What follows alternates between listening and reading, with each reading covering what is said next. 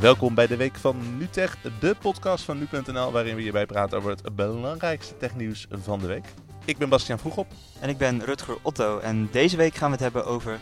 Ja, Apple maakt je iPhones langzamer, maar waarom eigenlijk? En Nintendo brengt nieuwe kartonnen knutseldozen uit.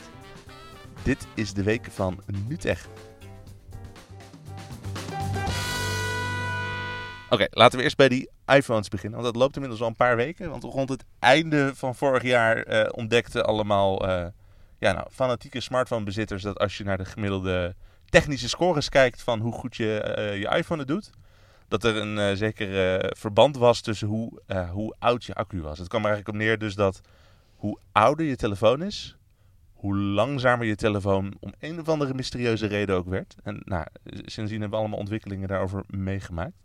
Ja, veel gebruikers eh, klagen daar al jaren over. Hè. Dan, eens in de zoveel tijd dook het wel weer op van mensen die zeiden van... Ja, Apple maakt mijn iPhone langzamer, dat doen ze expres, want dan moeten we een nieuwe telefoon kopen. Ja. Eh, en nou heeft Apple het gewoon eigenlijk een soort van toegegeven dat ze dat ook echt doen. Ja, ik vind het raar, want het voelde voor mij altijd een beetje als een soort van fabeltje. Van mensen die dan misschien gewoon heel veel eh, oud, oud spul op hun telefoon hebben. En misschien dat gewoon de, de, de hardware gewoon van zichzelf wat verouderd was. En ja, natuurlijk wordt je telefoon op termijn langzamer.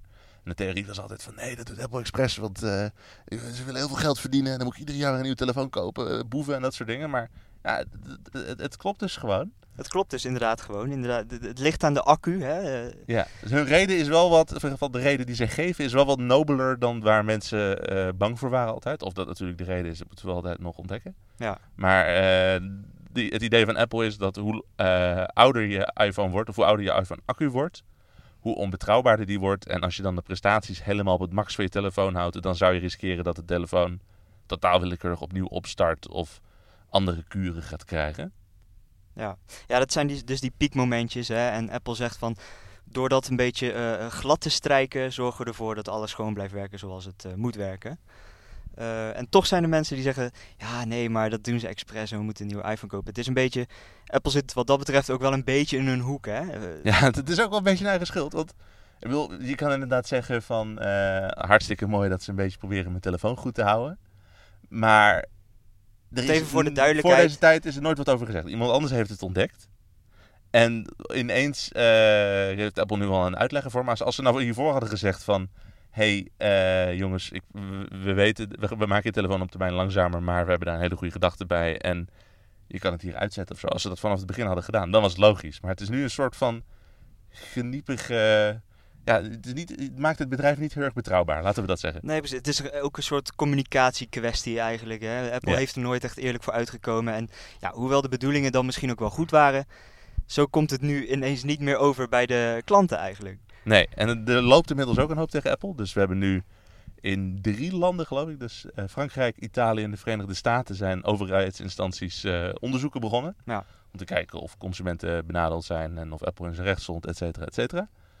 Nou, lopen over de hele wereld zijn er ook 45 eh, rechtszaken. in- 45? Ja, in elk geval 45. Voordat je het weet zijn het er nog meer. Maar die rechtszaken lopen dus nog tegen Apple. Dat zijn allemaal eh, zogeheten class action suits. die eh, zijn dan door groepen mensen aangespannen. Ja, dus eh bij iedere zaak grote aantallen mensen die zich eh, daarbij kunnen aansluiten. Ja. Eh, vaak lopen dat soort zaken, als ze gewonnen worden, tot eh, schadevergoedingen van eh, nou, soms, soms hoge bedragen, vaak wat kleinere bedragen per persoon. Ehm, en inmiddels heeft Apple eh, deze week ook eh, officieel eh, ja, een soort van statement gemaakt. Ze, hebben dus inderdaad nogmaals uitgelegd van ja, we doen het voor de eigen veiligheid van de consument. De consument stond voorop, et cetera, et cetera. Maar daarmee heeft eh, de topman van Apple, Tim Cook, ook beloofd dat er dus in een toekomstige iOS-update de mogelijkheid komt om deze snelheidsbeperking uit te schakelen. Ja, de vraag is, moet je dat willen? Ja, dat, eh, hij zegt van ja, we gaan die schakelaar toevoegen, maar druk er alsjeblieft niet op. Want hij vertrouwt het niet helemaal. Want hij denkt, eh, nou dan gaan al die telefoons crashen en dan gaat het helemaal mis. Ja, blijkbaar hebben toch veel mensen gezegd eh, dat ze zelf de controle in hand wilden hebben. eh, en dat Apple niet zomaar hun producten eh, langzamer mag maken. Ja, dat is natuurlijk al een dilemma waar heel veel mensen bij Apple natuurlijk al langer tegenaan lopen. Hè? Want eh, eh, het is natuurlijk een bedrijf dat heel erg van de, de, de, de, simpele eenvoud is. Eh, lekker dubbelop. Maar eh, van ja, we gaan je niet duizend schakelaars geven, maar we laten je zien wat belangrijk voor jou is. En we proberen het een beetje toegankelijk voor de gebruiker te maken. En als aan de ene kant is het inderdaad voor een hele grote groep mensen zal dat eh, goed zou zijn. Maar je hebt inderdaad de, de, de, de nerds, de tweakers, de mensen die eh, er super fanatiek opgaan, die, ja, die willen natuurlijk gewoon de volle controle. Het is een beetje net als bij een auto, dat als je echt een, eh, een volle autogekkie bent, dan wil je ook gewoon alles van je motor kunnen beïnvloeden. En als die motor gewoon gesield zit achter plastic, dan word je er ook niet helemaal blij van. Nee. De vraag is of je er wel blij van wordt als de motor oververhit raakt en alles valt uit. Is ook weer zo. Maar als jij zeg maar iemand bent die lekker met de motor wil gaan spelen en je bent er super goed in, dan ben je misschien ook wel slim genoeg om te weten, oh wacht, als ik dat klepje dichtdraai, dan ontploft de motor. Dus ja, misschien, het voelt ook een beetje alsof ze de gebruikers niet helemaal serieus nemen. Ja, het voelt ook een beetje alsof, eh, alsof eh, Tim Cook de bui ook al wel ziet hangen met al die zaken en onderzoeken. Ja, het, voelt, het is inderdaad... eh, ze zullen het inderdaad denk ik, misschien ook wel een beetje hebben ingevoerd met het idee van... Nou ja, als die class action zaken lopen, kunnen we ieder geval zeggen van...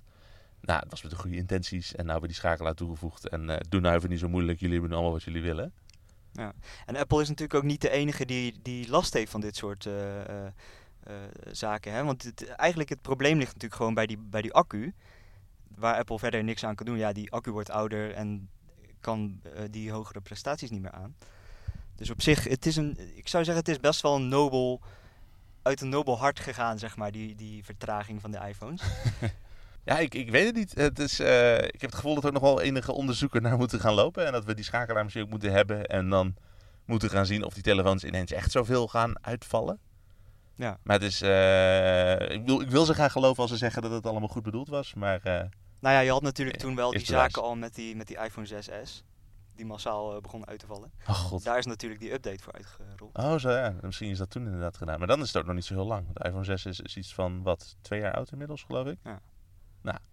Nee, het wordt nog even spannend. Eh, we gaan nog Zeker vervolgd. veel rechtszaken komen er nog. Dus eh, ja, inderdaad, wordt vervolgd. But we're going to take the heat because we want to make the best product in the world for customers. And we're going to instead focus our energy on these technologies, which we think are in their ascendancy and we think are going to be the right technologies for customers. And you know what? They're paying us to make those choices. Deze week op een zeer verrassend moment hadden we ineens een eh, perspresentatie van Nintendo. Dan denk je misschien gaan ze een nieuwe game aankondigen. Of misschien zelfs een nieuwe hardware zoals we vorig jaar met de Switch zagen. Maar ze hebben dit keer een beetje van een totaal andere boeg eh, gegooid, toch? Ja, het was karton. Ja, Heel simpel gezegd. Eigenlijk gewoon een soort van eh, eh, Nintendo Goes eh, Google Cardboard, kun je bijna wel zeggen.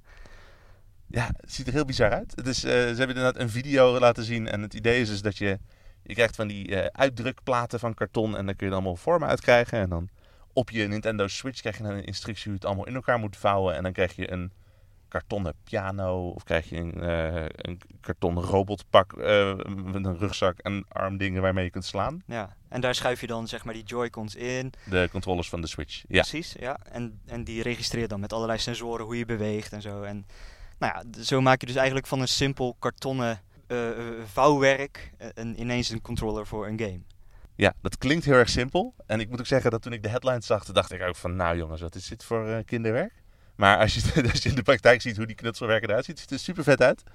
En ja, het is ook een beetje... Het is natuurlijk iets wat niet helemaal een verrassing voor ons was, geloof ik. Want een jaar geleden of zo, toen de Switch een beetje uit begon te komen... waren er al patenten over allemaal modulaire systemen. En toen dachten we ook meer van, dit gaat Nintendo's manier worden om het scherm van de Switch misschien in een VR-bril of zo te gaan stoppen. Maar ze hebben dus eh, voor een kartonnen alternatief gekozen. Ja, er gaan ook wel verhalen dat het een beetje Nintendo's eh, VR-achtige eh, platform is. Hè? Het is natuurlijk allemaal niet VR, je hebt geen bril op. Nee. Maar kan je nu wel natuurlijk wel, makkelijk natuurlijk. Gewoon even een, vouwbare bril voor je, voor je Switch-schermpje maken en hem daarin steken. ja, het zou, het zou kunnen. Ik denk niet dat het scherm daar genoeg, goed genoeg voor is. Maar op zich, het, het, het is natuurlijk wel een soort van die beleving. Want je hebt natuurlijk wel eh, bijvoorbeeld een, een vishengel die je, waar je de, de hele bende in kan steken. Waarmee je dus op het schermpje kan vissen. Dus op zich, weet je, je bent wel echt actief bezig. ehm, maar dan gewoon in de echte omgeving. Maar wel op een virtueel scherm. Maar wat ik me dus een beetje afvraag, wil, het ziet er in die video's heel vet uit. Maar in die video's valt op, je ziet op zich ook heel veel kinderen ermee spelen. En ik heb echt het idee dat ze richten zich geloof ik eigenlijk vooral een beetje op een markt van de, tussen de 8 en 10 Ze jaar richten oud. zich op de kinderen en de mensen die zich Ja. nog kind voelen, zo Ja. zeggen ze het zelf. En het doet me- ook een beetje denken aan zeg maar, de tijden met de Nintendo Wii. Want toen, eh, dat, dat zag in het begin ook heel gaaf uit. En dacht ik van wow, ik ga hem met mijn armen zwaaien en allemaal tennisgames spelen en zo. En uiteindelijk was dat allemaal een beetje simpel, want je kon een beetje heen en weer zwiepen en dat was eigenlijk alles. En als je gewoon een beetje heel vervent in je games spelen was, dan, eh, ja, dan had je al snel iets van, nou dit is niks voor mij, eh, doe mij maar die ouderwetse controller. En ik ben een beetje bang dat we een beetje hetzelfde hier gaan zien. Dat dit voor hele jonge mensen en mensen die niet zoveel games spelen gewoon heel interessant is. En dat is natuurlijk een hele grote markt om te bereiken. Maar dat, dit, dat we niet echt snel eh, echt de diepgravende, spannende ervaring op deze manier gaan meemaken. Nee, en dat bleek ook wel uit die video's hè, die we hebben gezien. Het ging allemaal een beetje om wat kleinere, kleinere spelletjes, weet je, piano spelen, eh, vissen, dat soort dingen. Eh, een robot spelen. Ja. Maar ja, echt, echt grote games hebben we eigenlijk ook nog niet gezien. Nee, en ik eh, ben een beetje bang dat die niet gaan komen. Het is ook wel pri- eh, vrij prijzig, moet ik zeggen. Ik geloof dat het goedkoopste pakket iets van 70 dollar gaat kosten. Nou, maakt Ah, niet- volgens mij nog meer zelfs inderdaad. Maar ja, het wordt, het wordt een aardig eh, prijzig karton bouwwerk. Ja, voor inderdaad een stukje karton is dat echt absurd. Vooral omdat je het gewoon lekker zelf in elkaar moet zetten. Wat ik nou wel heel grappig vind. er zijn heel veel theorieën dat Nintendo een hoop van zijn wat raardere creaties en eh, onthullingen heeft gemaakt om eigenlijk ook een beetje te strijden tegen mensen die games illegaal downloaden. Want je hebt natuurlijk, eh, inmiddels kan je als je een oud Nintendo spel wil spelen, kan je dat natuurlijk gewoon legaal kopen. En dat eh, moedigen we hierbij nu tegen allemaal hartstikke hard aan. Maar je hebt natuurlijk ook de schimmige figuren die kunnen het gewoon lekker gratis downloaden en op een computertje in een emulator spelen. En je ziet in de afgelopen, nou misschien 10, 20 jaar zelfs wel, dat Nintendo steeds eigenlijk dingen uitbrengt die op zo'n simulatie van een computer eigenlijk heel moeilijk na te bootsen zijn. Dus dat er zo'n DS kwam met een touchscreen. Ja, een touchscreen heb je natuurlijk niet op je computer, dat kun je niet zo eh, makkelijk op zo'n manier meenemen. Ja, zelfs op de Gamecube had je eh, games die kon je dan, moest je allemaal oude Gameboys, moest je dan met een kabel aan je Gamecube verbinden en dan kon je met allemaal vier extra schermpjes kon je dan speciale spellen spelen. Nou, dat is op zo'n computer eh, op een illegale manier natuurlijk helemaal niet te doen. En nu zijn we natuurlijk op een punt dat, stel je voor, de Switch wordt ooit helemaal gekraakt en iedereen zet hem vol met illegale games. Het schijnt al dat er emulator eh, in de werk, Ja, in de d- maak er zijn altijd mensen bezig met dit soort projectjes. En eh, nou, we weten natuurlijk niet of het ze gaat lukken. Eh, Nintendo hoopt van niet. En als het gekraakt wordt, ja, het is allemaal illegaal. Maar dan, we komen op dat punt zodra we daar zijn.